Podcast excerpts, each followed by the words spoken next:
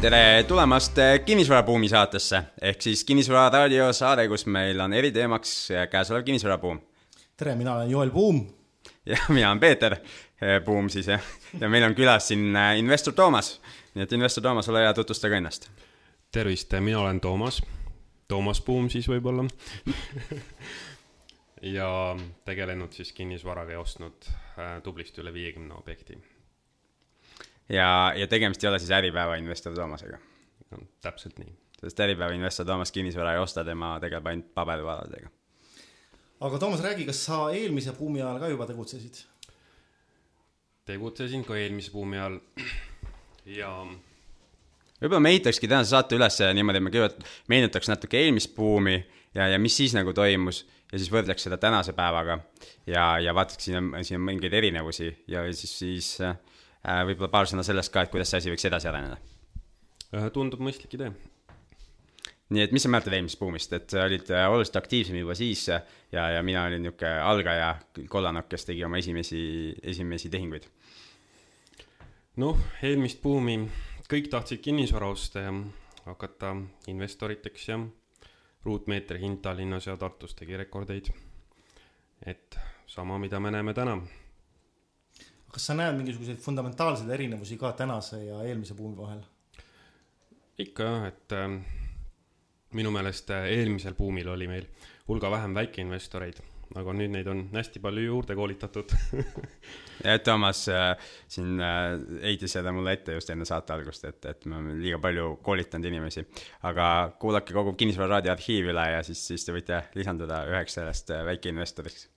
jah aga eelmises buumis, mis mina mäletan, äh, oli see, et tol ajal kaubeldi nende planeeringutega päris palju. ehk siis inimesed ostsid nagu paberi peal, eks ju, korteri, maksid oma kümme protsenti sisse ja, ja siis sisuliselt samal päeval või järgmisel päeval või nädal hiljem panid selle portaali müügile ja, ja müüsid selle võib-olla kahekordse hinnaga ära ja, ja kellel närvid nagu raudsemad olid, need ootasid korteri valmimiseni ja siis müüsid selle, selle, selle planeeringu nagu mingi kahe-kolmekordse hinnaga või, või veel kõrgema hinnaga nagu äh, nagu ära, et oled sa seda selle buumi ajal ka näinud?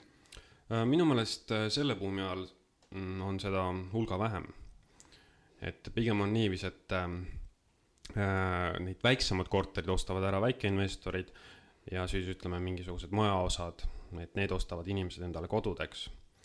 et suhteliselt palju, mis on mulle hakanud silma, on see, et äh, müüakse oma kauge, Tallinnast kaugemal olevad majad ja maatükid maha ja proovitakse Tallinnale ligemale kolida, et vähemalt siin Harjumaa kandis, et.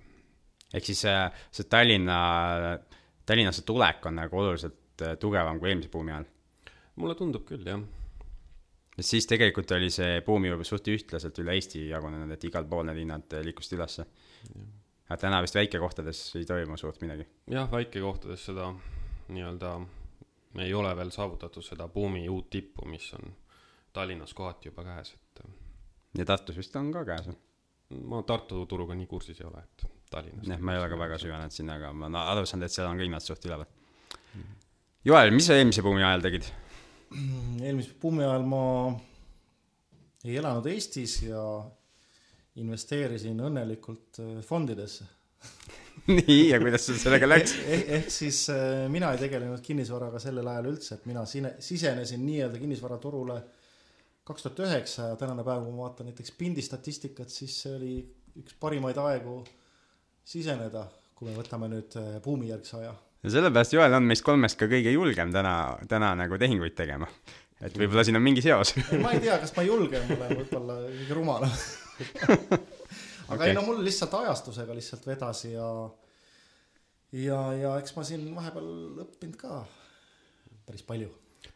nojah, ja samas, kui sa need kahe tuhande üheksandal, kümnendal aastal oma, võib öelda siis esimesed ja. objektid ostsid, et sa said need ka äh, minu meelest vähemasti mõned neist väga hea hinnaga võrreldes tolleaegset väärtust, nii et et täiesti, et seal ei ole ainult turukasv sinu kasuks mänginud, vaid ka jah, ei ole ainult turukasv ja, ja mul oli ka õnn oli, et äh, mul oli tuttav pankur, kes siis organiseeris või aitas nii-öelda äh, soovitada õigete inimestele rääkida, mis tähendas, et ka panga ting-, laenutingimused olid siis võib-olla keskmisest paremad. ilmselt täna on samamoodi, ega midagi pankades muutunud ei ole, et tuleb ikkagi õige inimesega rääkida ja siis, siis on võimalik, võimalik järeltingimustel nagu neid laene, laene saada, et ma just ise allkirjastasin siin ka, ka ühe, ühe laenulepingu. Aga sellest me võib-olla räägime teises saates rohkem mm. -hmm. jah. aga mis sa veel mäletad, Toomas, eelmisest buumist? ja sellele, ütleme, e-, mis seal eelnes sellele, kuidas me sinna eelmisesse buumi sattusime? eelmisesse buumi sattusime nii, et kinnisvarasse investeerimine ja kinnisvara ostmine läks moodi. ja siis kõik tahtsid. Ja noh, täna me näeme enam, peaaegu sama asja, ainult et siis natukene teiste, ütleme siis huvigruppide poolt mm. -hmm. et ähm, et äh, mulle mõnikord tundub, et äh,, et nii täna kui ütleme siis eelmise buumi ajal me nagu neid äh, kurbasid momente nii väga ei tahtnud meenutada või siis äh, nii-öelda masuperioodi inimesed ei teadvustanud endale nii palju, sellepärast et see oli, oli piisavalt kaugele jäänud juba,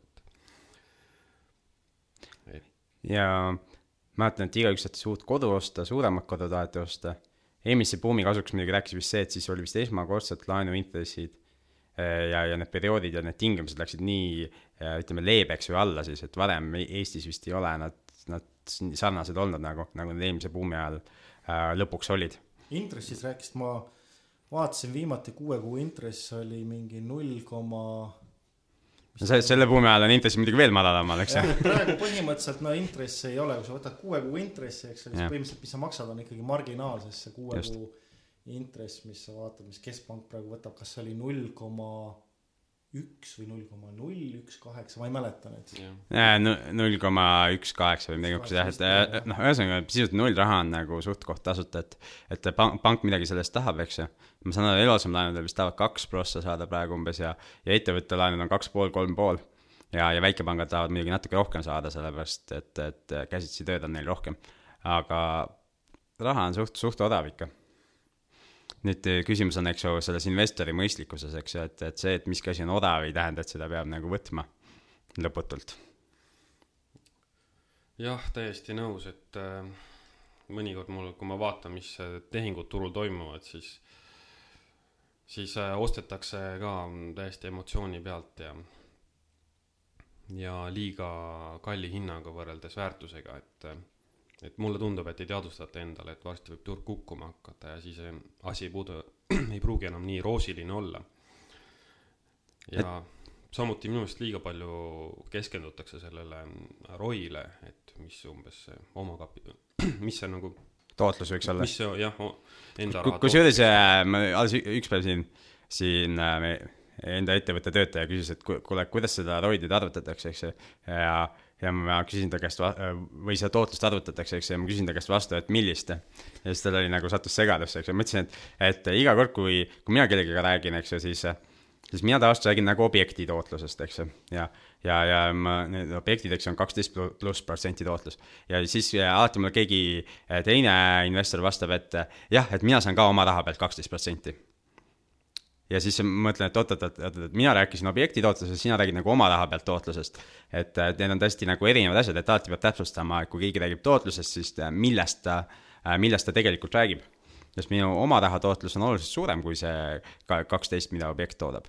noh, võib-olla üks, mida peaks jälgima ka, eriti kui hinnad tõusevad, on siis äh, ROE mm -hmm. ehk siis on equity, mis tähendab seda, et. Äh, no see ongi oma raha tootlus, sisuliselt return on äh, equity ehk oma rahalt mm. -hmm või noh, et samas, kui ta tõuseb, eks ju, siis seal tuleb see turu, turuhinna kasv sisse, eks ju veel, see no, ei ole päris oma raha. on ja. see, et eks ole, kui see väärtus kasvab rahas, siis peaks tegelikult vaatama seda to tootlust nii-öelda võrreldes selle tänase turuhinnaga, sest kui turuhind langeb, eks ole, siis kukub su tootlus nagu kivi mm. -hmm. ja mis võibki nagu viia siis äh, selle olukorrani, et tegelikult äh, sul on hetke pärast on siis nii-öelda under the water mm -hmm. su objekt ehk siis äh, see tähendab seda, et, et sa oled sinna rohkem äh, raha sisse pannud. no ütleme, et kui sul kui, on kui äh, rahavooobjekt, siis tegelikult su pangalaenu tagasimakse on suurem kui su üüri sissetulek, eks ole, ja siis mm -hmm. ongi error, et kui sul ei ole teisi objekte või mingit muud kohta, kus seda raha tuleb sisse, noh siis sa oled sunnitud müüma ja sa müüd selle ära ja sa ikkagi oled pangale võlgu, mis oli see klassikaline probleem, kui inimesed ostsid mm. eelmise buumi ajal.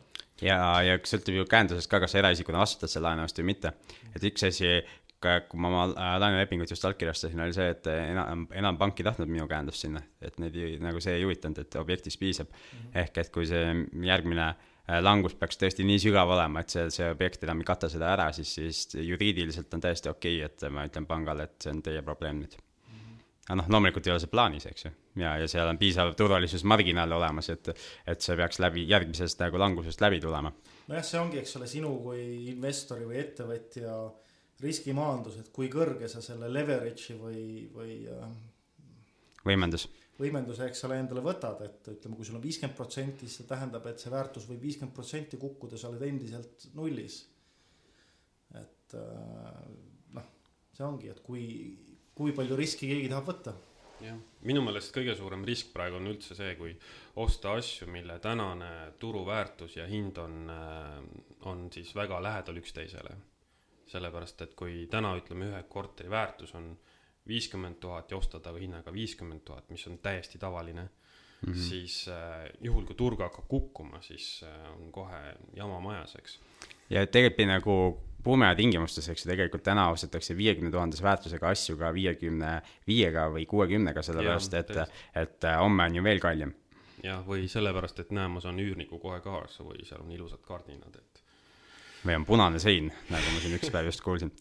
aga äh, üks mm, kinnisvaraturu osapooli siin üritas mulle selgitada, et, et, et et kui, kui ma ütlesin nagu väikeinvestoreid õpetada ja öelda, et, et tururiski on võimalik maandada, siis tema üritas mulle selgitada, et tururiski ei ole võimalik maandada. ja, ja ükskõik millisel viisil sa täna kinnisvarasse investeerid, et siis sa, siis sa selle tururiski äh, võtad ja ja, ja, ja, ja kui turg peaks kokku kukkuma, siis kogu, öö, osa või kogu oma raha kaotad. aga samas siin enne saadet juba Toomas tutvust-, rääkis mulle, et on võimalik maandada, nii et võib-olla me räägime selle meie kuulajatele ka uuesti ära või Joel tahab lisada veel. alustame sellest, mis see tururisk on siis? tururisk, mis on, et tururisk tähendab seda, et, et turg langeb okay.. ja, ja kui turg tõuseb, eks ju, siis oskab nagu igaüks äh, raha teenida, sest vahet ei olegi lõpuks, mida sa ostad, eks ju, sellesse piirkonda, kus turg äh, kasvamas on. aga kui nüüd turg langeb, eks ju, ja siis, siis see tururisk nii-öelda realiseerub ja, ja sa hakkad raha kaotama.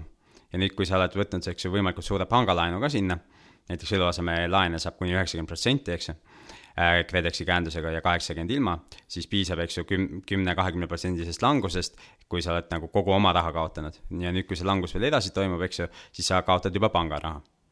jah, ja, ja mõni, mõni nii-öelda vähe targem algaja võib-olla on nii, nii tark, et võtab ka äh, sugulaste käest selle sissemakse osa, mis tähendab, et ta oma raha ei pane üldse, eks ole. nojah, sada protsenti laenu, eks ju, see, see on ka täiesti okei okay,, eks ju. alguses saab lõpmatuse, lõpmatult suure ROI ja, ja. siis saab lõpmatult suure kaotuse just, aga kuidas suure riski maandada, Toomas? üks, üks hetk veel, et okay. et mina näen nagu kahte olukorda, kus on võimalik eh, täiesti tururiskust nii-öelda ennast eemaldada, on üks on see, et kui sa ei võta laenu üldse jah, see on üks asi. siis äh, vahet ei ole, mis turg teeb, sa ei kaota midagi. ja teine on see, et sa võtad sada protsenti laenu, mis tähendab, et kui sa ise ei ole oma raha pannud, eks ju, kõik, mis sa kaotad, on kellegi teise raha eeldusel, et sa ei võta vastutust ka. jah, aga eh, täpsusta seda, Joel, see on väga huvitav mõte, et kui sul on sada protsenti, eks ju, oma raha mängus mm -hmm. ja turg langeb, et siis sa ei kaota midagi. et enamus inimesi mõtleb ja hakkab arvutama sellisel juhul, et palju ma juba miinuses olen, palju ma juba kaotanud olen ja, ja mis nüüd saab, kui ma veel midagi kaotan. et mida sa mõtled selle lausega, et sa ei kaota ju tegelikult tegelikult midagi. no tähendab, lihtsustas, eks ole, ütleme niimoodi et, et sada protsenti, et ma mingisugusel imevõimalusel saan nii palju raha kokku kas pangast või teiste inimeste käest või kombineeritud niimoodi, et ma ei pea oma raha sinna üldse panema. ei, see on see teine variant, aga ma mõtlen see, kui sa paned sada protsenti oma raha. kui ma panen sada protsenti oma raha, eks ole, sinna sisse, ütleme, et ostan saja tuhandega korteri, üürin nüüd välja ja nüüd, kui turg langeb, selle korteri väärtus kukub kasvõi ütleme kolmkümmend protsenti, mis oli täiesti reaalne eelmise. no viiskümmend oli ka, ütleme, et viiskümmend tonni on alles, noh. noh, ütleme, et viiskümmend tonni on alles. kuidas sa nüüd ütled, et sa ei ole viitekümmet tuhandet kaotanud? no niikaua, kui see korter on minu oma ja ma seda välja või ära ei müü, eks ole, siis see korter sisuliselt ma ei ole midagi kaotanud, sest sa kaotad sellisel hetkel, kui sa hakkad seda realiseerima, eks ole. sest sa ei ole kaotanud sellepärast, et sul on ikka see üks korter, eks ju. mul on see korter on alles ja, ja, ja, ja kui seal on üüriline sees ja see üüriline maksab vähemalt kommunaalid ära, eks ole, siis ma ei pea ise mitte ühtegi senti maksma selle eest ja sul on see korter alles, sa võid alati oodata järgmist buumi. ja nagu me teame, majandus on tsükliline ja igale tõusule järgneb langus, igal langusele järgneb tõus. muidugi see ootamine võib päris pikaks venida, aga see on juba teine teema. Okei okay., Toomas, kuidas saab tururiski maandada veel?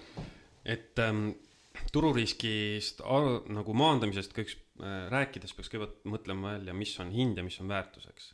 hind on see, mis sa maksad ja väärtus on see, mis sa saad. nii. ja tavaliselt nad on ähm, keskmiselt üks-ühele. ja kui me võtame sellesama korteri näite, mis ma enne tõin, et korteri väärtus on viiskümmend tuhat, eks. ja kui sa ostad sellega hinnaga viiskümmend tuhat, siis sul seda turvalisu-, turvalisuse marginaali või puhvrit üldse ei ole nii et mõni inimene küsib, et kuidas ma tean, et, et mis see väärtus on, on ju, noh, väärtus on umbkaudu hindamisakt, umbkaudu.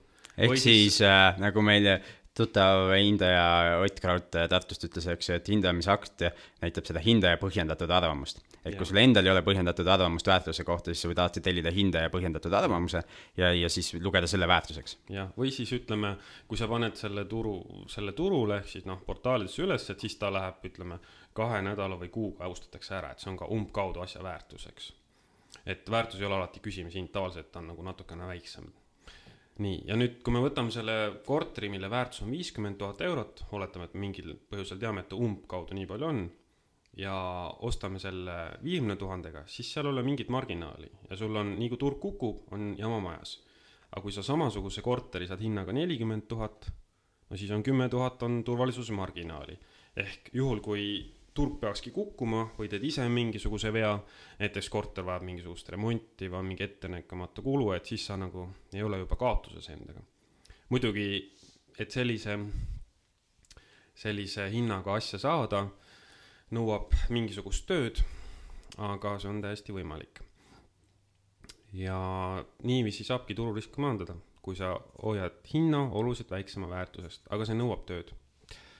ja nii lihtne see ongi ja, ja ma võin nagu reaalelu näite, näite tuua, et, et siin kaks tuhat neliteist alles ehk üsna värske, värske tehing, et ma ostsin ühe, ühe korteri seitsmekümne kolme tuhandega ja me renoveerisime seda kahekümne eest. ehk, ja ehk siis üheksakümmend kolm läks sisse. Äh, ja, ja siis äh, ma tellisin nüüd hindamisakti sellele just ja hindamisakt näitab väärtuseks sada kümme. ehk mina olen saanud saja kümne tuhandese väärtusega asja üheksakümne kolmega kätte. seal võib olla ka see, et lihtsalt turg on tõusnud üleüldiselt, eks ole see võib, võib olla see, eks ju, siin on natukene vahet, eks ju, äh, see vahe on tegelikult võib-olla ütleme üheksa kuud on vahet. ja, aga noh, mõte on sama, eks ju. et see väärtus on, eks ju, meil sada kümme ja, ja, ja, ja sisse pandud on, eks ju, üheksakümmend kolm. Ma tahan veel tuua välja ühe näite, et kui näiteks postkasti tulevad sellised reklaamid, kus on mingi oh, et pesumasin maksab kolmesaja kuuekümne viie asemel kolmsada nelikümmend üheksa, on ju. Mhm. et siis nagu inimesed saavad aru, et on kuskil väärtus ja mingi hind on ju kuskil madalamal, et siis inimesed lähevad ostma, kui nad saavad midagi hästi soodsalt, eks. ja aga kuidagi kinnisvara puhul äh, on vastupidi, jah? tundub olevat vastupidi, jah. et mida kallim, seda rohkem moes on, et naljakas paradoks.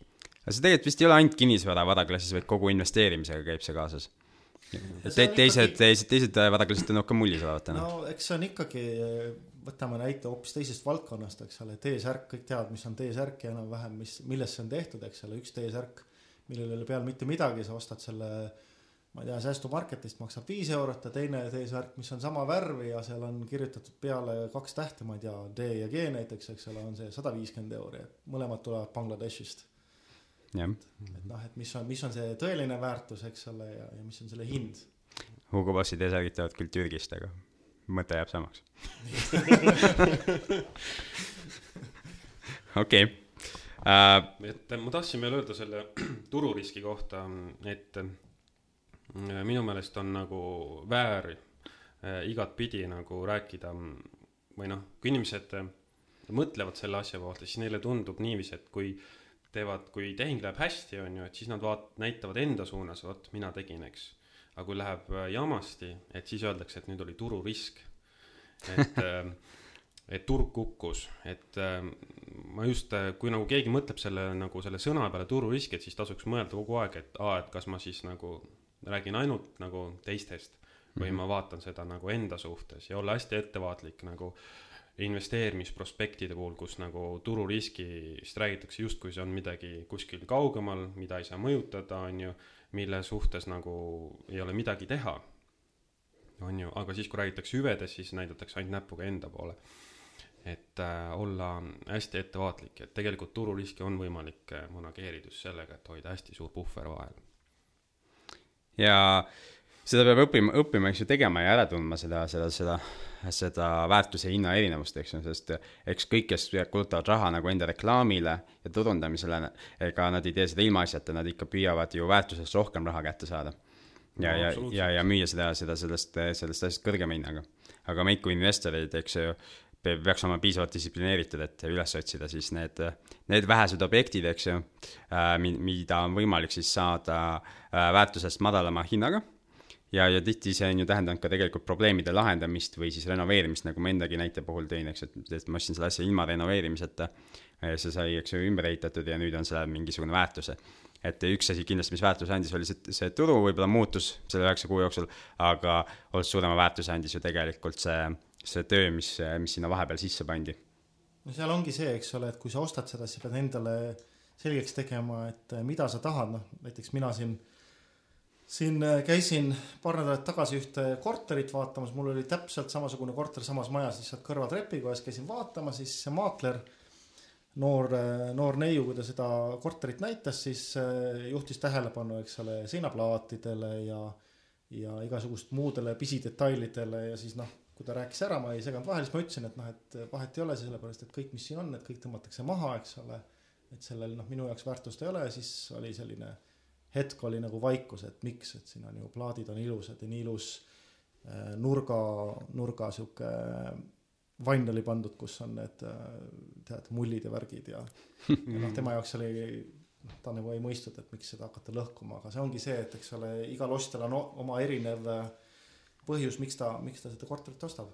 Jah, et viimati, viimane objekt, mida me renoveerisime, seal me näiteks lasin meestel välja lõhkuda täiesti korras oleva sauna et seal oli saun ja noh, mul ei olnud vaja seda sauna. ja, ja ma mõtlen, mis ma seal kõik veel lasin välja lõhkuda, no ühesõnaga kõik nagu ikkagi seinadeni palju, paljaks tõmmata, mis siis, et see oli nagu noh, perekorterina enne juba noh, täiesti normaalne aga läheks teemaga edasi, eks ole, nüüd me oleme siin natukene rääkinud turust ja, ja me oleme kõik näinud ka, kuidas turg muutub, eks ole mm. -hmm. tulevad erinevad asjad, mis on populaarsed et ma arvan, et võib mingil määral väita, et siin viimasel ajal on populaarseks tulnud äh, vähemalt kinnisvararaadio ja Peetri koolituste äh, nii-öelda kuulajate, osalejate seas sellised suuremad korterid, mis üüritakse siis toa kaupa välja, eks ole no.. aga üks asi, mis, mis on nüüd viimasel ajal tulnud, mis on Facebookis ja igal pool, on see crowdfunding. ma arvan, et see on viimase aasta. ehk siis ühisrahastamine eesti keeles, jah üks kuus kuud on kinnisvara ühisrahastamine vist olemas olnud. no natuke kauem jah. võib-olla natuke kauem jah, aga umbes umbes aasta tagasi yeah. sellest hakati rääkima, rääkima ja, ja siis ta jõudis suht kähku ka Eestisse. just. ja noh, tänane hetk minu arust on ikka Facebookis on pidevalt võib-olla, kui sa klikid mingisuguseid asju, siis no neil on oma turunduseelarved, nad kulutavad tegelikult ju väga palju raha reklaami peale mm. -hmm. või noh, ma ei tea, kui palju raha, aga, aga vähemalt tulem-, noh, seda on näha, eks ju. võib-olla sellepärast, et meid huvitavad need teemad, aga, aga ma usun, et ka teistel inimestel keda investeerimine huvitab, on pannud Facebookis, et huvitab, siis neile tulevad need reklaamid ette. minul on tulnud mitu konkreetset küsimust inimeste käest, et mis sa sellest arvad. just. ja mult on ka küsitud. ja minult samamoodi, eks ju, aga ma olen alati öelnud, et kuule, mina ei hakka sinu eest otsustama, et tee oma kodutöö ära ja, ja, ja, ja tee enda otsus. Teil on vist sarnane vastus või? ma olen ka öelnud, et äh, hoolikalt mõtle ja küsi, mõtle just need riskid enda jaoks välja ja, ja mõtle, mis, et kui turg peaks minema allapoole, et mis siis juhtub, on ju, ja kui likviidne siis sinu see osa seal on, ükskõik mis juriidilises vormis ta siis on, eks ju et.... minu arust järelturgu ei ole nendest keegi veel välja arendanud, et ehk sul ei ole võimalust seda osalust müüa. aga võtame paar sammu tagasi, mis see crowdfunding siis põhimõtteliselt on? ühisrahastamine on minu meelest, ta on hea idee nagu ja, ja ühisrahastamist ju erinevates vormides on ju varem ka olnud, näiteks Joel, me siin mingi, mingid saated tagasi rääkisime sellest, kuidas te kümnekesi ostsite korterit ja see saade on küll kolm aastat tagasi. just kaks-kolm aastat tagasi, kui te vaatate arhiivist, aga noh, numbriliselt on see siis mõnikümmend saadet tagasi. see, see termin, mis me siis kasutame, oli syndication. jah, sündikaattehing, eks ju. aga noh, see on sisuliselt samamoodi ühisrahastamine, eks ju. aga see e-, erines ju selle poolest, et, et te tegite äh, ühisettevõtte, millel olid kõik äh, siis võrdsed osanikud, jah? kõik olid omanikud ja, ja kõik siis noh, enam-vähem nagu võrdselt ka panustasid, eks ole, kes, kes mõttega ja, ja kes tegudega. ja, ja siis see ühisettevõte ostis, eks ju, selle korteri ja siis äh, renoveerisite selle ära oma jõududega ja palgates töömehi ja, ja siis lõpuks vist äh, müüsite selle ära. just. Eks see, see on nagu ütleme niisugune noh, ütleme selgitab seda kontseptsiooni, mis asi see ühisrahastamine võiks olla. aga nüüd see, mis see, see tänane ühisrahastamine on, on see, et kõik see asi on viidud siis internetti. nüüd on see, et äh, inimesed saadakse kokku, eks ju, ja need inimesed äh, annavad siis laenu mingile ettevõttele, ehk neil ei ole seal osalust, neil ei ole ka mitte mingisugust kaasarääkimise õigust. see on nagu ära võetud, samamoodi nad ei, ei panusta siis nagu füüsilises mõttes kuidagi sinna ja, ja tagatis on või? ja ta-, ja osadel on ja osadel ei ole. ja just, et kuidas tagatised seatud on, nagu otse tagatist ei ole ühelgi juhul. et eh, tagatis võib olla seatud siis selle vahendaja kasuks. et selle vahendaja kasuks, et eh, on üks, üks portaal on, kes laene vahendab, nemad on, seal on nagu selle vahendaja kasuks ta- tagatis ja teine, kes omakapitali äh, vahendab, temal, seal ei ole üldse tagatist. seal ei ole isegi selle vahendaja kasuks seda tagatist, nii palju vähemalt, kui mina olen aru saanud sellest. ja ma ütlen, kõige suurem erinevus on kontrolli puudumine, et seal investoril puudub igasugune kontroll, ta peab lihtsalt usaldama seda vahemeest. ja ma siin enne Toomasele ka rääkisin ja tuli mõte, et kuule, kes maksab selle vahendajale? ja kes maksab? kes maksab vahendajale, et tegelikult kelle huvides ta nagu tegutseb, see vahendaja. et eh, ta noh, inimesed räägivad, väidavad nagu erinevaid asju, eks ju, aga, aga alati tasub nagu minna nii-öelda tagasi süveneda sellest, et kes maksab selle peo kinni. eks ju, ja võib eeldada, et tema huvides nagu need asjad toimuvad. ja, ja nende asjade konkreetsete äh, kinnisvaraportaalide puhul, eks ju, see, kes maksab, on ikkagi see, see, kes selle, selle laenu saab või see, kes selle raha saab ehk siis tegelikult see ülesande püstitus tuleb ikkagi, ikkagi selle, selle poole poolt, kes tahab siis seda kinnisvara tagatisel laenu saada või siis kes tahab seda omakapitali sinna kinnisvaraprojekti saada, tema teeb ülesande püstituse ja siis see vahendaja läheb ja otsib need investorid, kes sinna paigutada raha tahaksid. et i- investorid on siis siin ma ei tea, mõnes mõttes nagu kõige väiksem komponent, niisugune vahetatav komponent, sellepärast et kui üks ei taha panna, siis eh, leidub eh, järgmine. järgmine, keda võiks sinna, ma ei tea, ma ütleks nende kohta kohati naiivsed inimesed, eks ju, aga, aga osa nendest on kindlasti targad ja on kogu prospekti läbi lugenud ja, ja kõigiga vestelnud ja, ja teinud kodutöö ära ka. aga mulle tundub, et järjest rohkem on neid naiivseid, kes, kellel on tegelikult kogu kodutöö tegemata ja ainuke põhjus, miks nad investeerivad, on see, et, et see on lihtne et ma ei pea t- tulema sinna notarisse asutama seda ühisettevõtet, nii nagu Jooli eh, juhtumi puhul oli, ma ei pea tulema füüsiliselt võib-olla seal lammutustöödel appi, eks ju, ma ei pea osalema seinavärvi valikus, ma ei pea aitama sellele müügile kaasa, et ma ei pea nagu mitte midagi tegema. ja tootlused ikkagi, mida reklaamitakse välja, on ka ikkagi suured, et äh, järjestikku tundub, et nad on kõik üle sihuke kümne protsendi, mis on nagu Jah. ikkagi vä- väga atraktiivne, et tänane no. päev, kui, kui nagu oma portfelli vaadata, siis äh, äh, et samasugust tootlust äh, saavutada, siis on vaja ikka kõvasti tööd teha.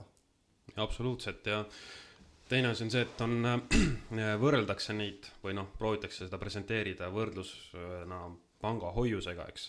ja tegelikult, kes, kes seda hoiusega just, kes seda hoiusega võrdles, oli meie enda üks hea tuttav ja, ja, ja teine investor, kelle taust on väärtpaberid, eks ju. ja, ja noh, ma ei tea, kas ta äh, teadvustab nagu kõiki riske või mitte, aga tema nagu tegi siis Facebookis selle võrdluse, et võrdlus, võrdles siis seda, et, et see kaksteist on kõ- kõvem kui pank, eks ju. ja, ja just omakapitali puhul, aga omakapitali puhul seal ei ole äh,, üldse ei ole tagatist, eks ju, et kui see projekt õnnestub, siis, siis see protsent realiseerub, aga kui peaks see tururisk realiseeruma, realiseeruma, noh, me keegi ei tea tegelikult, millal see tuleb ja ma siin hiljuti tegin ühe video, kus, kus ma ütlesin, et kahekümne nelja kuu jooksul võiks, võiks toimuda muutused turul. noh, võib-olla toimub, võib-olla ei toimu, eks ju. aga, aga kui see toimub, siis, siis, siis tegelikult seal ei ole lõpuks mitte midagi, mida jagada, et, et need inimesed ei ole mitte ainult siis sellest protsendist ilma, vaid nad võivad kaotada ka oma selle, selle sisse pandud raha. ja see on seal lepingutes kirjas ka, et see ei ole nagu salajane informatsioon, see lihtsalt nagu äh,, mulle tundub, et valikuliselt inimesed loevad seda informatsiooni ja lihtsalt vaatavad mööda sellest. ei no olgem ausad, enamus lepingud, mis inimesed alla kirjutavad, on see pangaleping või, või abielu või mis iganes, eks ju, inimesed ei ei, ei loe seda teksti. ma arvan, et üks põhjus, miks nagu inimesed ka nagu suht uljad sellega kaasa lähevad, on see, et see tundub kuidagi selline, et noh, teised teevad ka või see on nagu ühis ja et noh, et vaevalt, et siis kõik astuvad ämbrisse ja kusjuures see on, see, ma arvan, et sa oled ma, nagu naelapea pihta praegu, sellepärast et, et päris mitu inimest kirjutas mulle selle minu video peale, eks ju, et, et, et kuule, et aitäh, et ma mõtlesin ka seda, aga, aga ma ei julgenud umbes, ma mõtlesin, et ma olen ise nagu rumal ja ei saa aru millestki. et, et kõik teised ju investeerivad, et kuidas see saab riskantne olla, et ma ju ei saanud, ma siiamaani arvasin, et ma olen ainuke nagu rumal, kes ei ole aru saanud selle, sellest võ- võlujõust seal, eks ju. ja, ja, ja nad kirjutasid mulle, et umbes aitäh, et, et tõid maa peale tagasi ja, ja, ja, ja, ja, ja ikkagi, ikkagi, et nad said enesekindlust tagasi, et, et, et need, nad on tõesti riskidest nagu aru saanud. ja, ja selle tõttu jätavad investeeringu tegemata, mitte sellepärast, et nad ei saanud nagu sellest, sellest noh, et, et nad oleks valesti aru saanud, et, et kohati hakkasid, tundub, et osa inimesi hakkas kahtlema juba, et et huvitav, kõik saavad sellega rikkaks, aga mina hoian eemale, et äkki on minus viga. no ma võin oma kogemust öelda, et siis, kui mina olin äh, Aasias ja investeerisin fondidesse, no siis oli ka põhimõtteliselt see inimene, kes müüs, eks ole, ta müüs seda ikkagi sellise psühholoogilise mänguga, mis pani mind tundma, et ma olen rumal, eks, et ma ei saa sellest süsteemist aru, kõik panevad sinna raha, et noh, kuidas, kuidas ma siis olen nii loll, eks ole, siis olidki äh, olidki see, kes siis kirjutas selle paberi alla ja hakkasid seda raha sinna panema, eks ole, kuni mm. -hmm. siis lõppude lõpuks ma sain sellest aru tänule sellele, et, et ma kaotasin raha ja, ja, ja siis hakkasin uurima, et miks see nii oli. jah, said odava õppetunni. no see oli odav õppetund jah, et on olemas ka palju kallimaid õppetunde. no see, selles suhtes on ka positiivne, et, et äh, nende, ühisrahastuste puhul ikkagi ma saan aru, et, et ük- äh, toodi välja ühel siis seminaril siin ühe nende ühisrahastusportaali pidaja poolt, et keskmine investeering on kaks tuhat eurot. ja, ja, ja mediaani investeering ehk siis keskmine inimene paneb sinna seitsesada eurot. ehk siis äh, noh, mõned panevad suuremaid summasid järelikult ka, aga et see keskmine on kahe tuhandeni viidud, aga ütleme, seitsesada eurot kaotada ja sellest nagu midagi õppida, noh, et see, see ei, ei ole nagu kallis väga ja, ja aga noh, ma, lihtsalt nagu mure on selles, et ja selles, et, et, et mida nad siis tegelikult õpivad nagu sellest protsessist, kui sa seal raha kaotad. et ma näiteks ise olen, eks ju, Pandorasse investeerinud äh, mingi aeg raha ja, ja ma ei ole selle nagu raha otseselt kaotanud, aga ma olen kaotanud selles mõttes raha, et kui ma oleks seda mujale investeerinud, siis ta oleks tootnud rohkem minu jaoks. ehk et niisuguse kaotatud võimalusena ma olen kaotanud raha lä- läbi selle, et ma olen sinna Pandora keskkonda raha pannud. ja, ja ma mõtlen, et aga mida ma siis õpin nüüd sellest? et, et ma seal nagu selle, seda raha olen kinni hoidnud, oleks võinud mujal rohkem teenida ja ma ei teeninud seda. ja ainuke asi, mis ma sealt nagu õppida saan, on see, et või noh, mina olen enda jaoks selle järelduse teinud, et ära investeeri sinna, kus sul kontroll puudub. Aga ma ei saa õppida nagu rohkem nagu midagi muud sealt, sellepärast et, et ma isegi ei tea, kus kohas see raha on. Pole kunagi teadnud, eks ju. jah, jah, seal näidatakse mingeid isikuid, ma ei tunne neid isikuid, eks ju. et äh, nüüd on automaatportfellid olnud seal, eks ju, et paned, et äh, kuus tuhat eurot ma, see keskkond investeeriski kurat teab kuhu, eks ju, läbi automaatportfellide. Nüüd nad tegid, eks ju, veel äh, selle ümberhindluse nende riska-, riskide osas, eks ju, ennem väitsid mulle, et, et need on kõik hä- hästi turvalised nagu laenud, nüüd nad tegid ümberhindluse, nüüd tuleb välja, et pooled on nagu tegelikult väga ebaturvalised laenud hoopis. Et ma, mida ma siis sellest nüüd õppisin või järeldasin, et ma investorina ei arene nagu mitte kuidagi edasi, sest kogu see otsustamine, kõik on minu käest ära võetud. kõik on minu käest ära võetud, et ma ei tea, on teil sama nägemus või, või näete te seda asja teistmoodi kuidagi? no mina näen selle ühisrahastuse äh, ütleme siis mõttekäigu ütleme kui seal mingit plusse vaadata siis kindlasti seda et ähm, et keskmine inimene et ta näeb tõesti mingit alternatiivi sellele et hoida kodus raha või arve peal kontol või et nagu meil on nagu mingisugune liikumine ühiskonnas äh, selles suunas et on ka muid võimalusi peale fondid ja hoiused eks. Aga jah, see, see riskide teema ja kontrolli puudus, et see on nagu tõsised mured, vähemasti minu jaoks oleks. ja noh, mina isiklikult ei julge näiteks ühisrahastusse raha panna, vähemalt sellel kujul, kuidas ta täna on, et oleks seal mingisugune hüpoteek mu kasuks, siis küll, aga samas ühisrahastuses, kuidas sa sea- saad enda kasuks ühishüpo-, esimese järjekorra hüpoteegi suhteliselt raskeks läheb, kui seal on palju tahtjaid. ja keeruliseks ja kulukaks ka, et ja, sellele lisaks, eks ole, sa oled ikkagi täielikult, pead usaldama seda nii-öelda seda vahemeest. vahemeest, eks ole, kes seda organiseerib ja kui sa seda inimest, eks ole, isiklikult ei tunne, no siis tõenäosus on see, et, et see on ikkagi nagu loto, lotomäng, eks ole, et sa ei tea, et, et mille peale sa panustad nojah, et üks põhjus, miks ma selle video ka tegin, ma ei tea, kas ma panen selle Kinnisvara raadio lehele ka äkki siia saate juurde üles. vähemalt võime selle lingi sinna panna, eks ole. et, et, et sa saad vaadata, eks, aga üks põhjus, miks ma seda tegin, oli see ka, et ma tahtsin näha nende ühisrahastusportaali pidajate siis nagu reaktsiooni sellele, et, et kuidas ne, nemad nagu reageerivad, mis nad nagu ütlevad. et äh, ma sain selgeks, et mõlemad on nagu väga head poliitikud, et nad oskavad nagu väga, väga hästi äh, rääkida sellest asjast ja, ja samas, aga samas nad mõlemad ikkagi rõhusid te, tegelikult äh, sellele, et tururiski ei ole võimalik maandada. Ja, ja nad ja on teadlikud, et see on olemas ja see on kirjas seal igal pool ja ongi kirjas. Ja, ja ma ei tea, millele veel, et ah, otsust ah,, mis nad juhtisid tähelepanu ka sellele, et iga inimene on vaba nagu ise tegema seda otsust, et kuhu ta oma raha investeerib. ja see on noh, selles suhtes on ka nagu õige, aga see ei öelnud nagu sisulise kohta mitte midagi no loomulikult on vaba, vaba otsustama, aga kui inimesel see kompetents või see finantsharidus puudub, eks ole, siis tõenäoliselt ta vaatab ainult seda tootluse numbrit. ja, ja ta vaatab ka seda, mida teised teevad.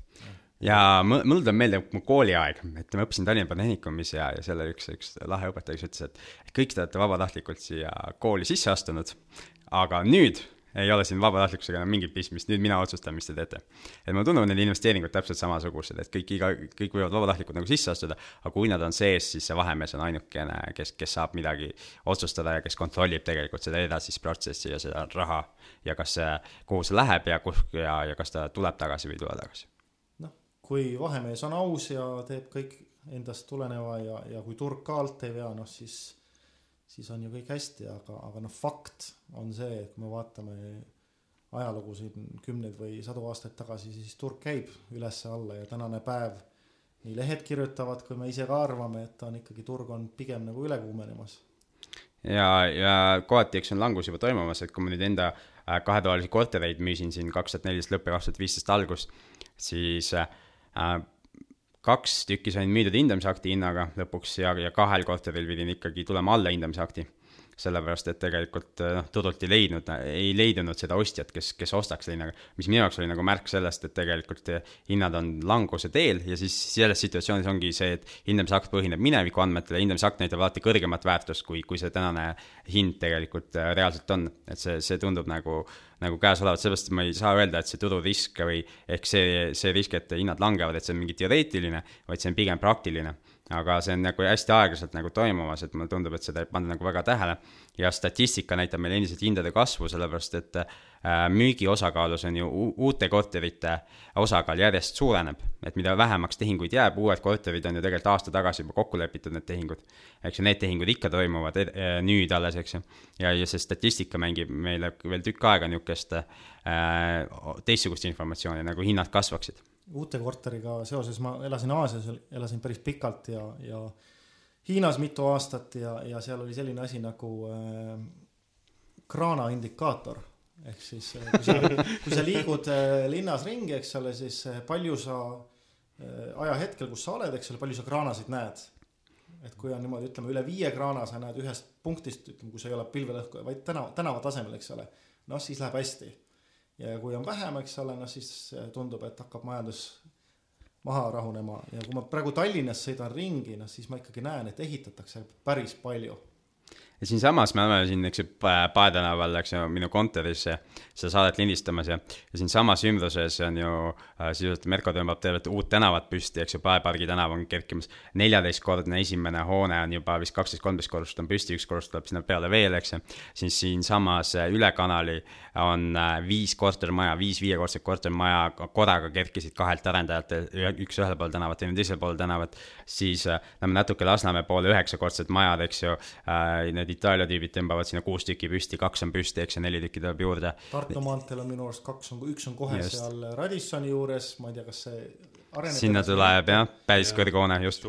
jah, ja siis on selle endise vana Villemi asemel, mis maha tõmmati, et seal nüüd ka ma ei mäleta, kes ehitab seal Merko. Merko ehitab sinna ja üle tee ehitab ka keegi, arendab seal mingit valget maja laulupea nurga peal. laulupea nurga peale.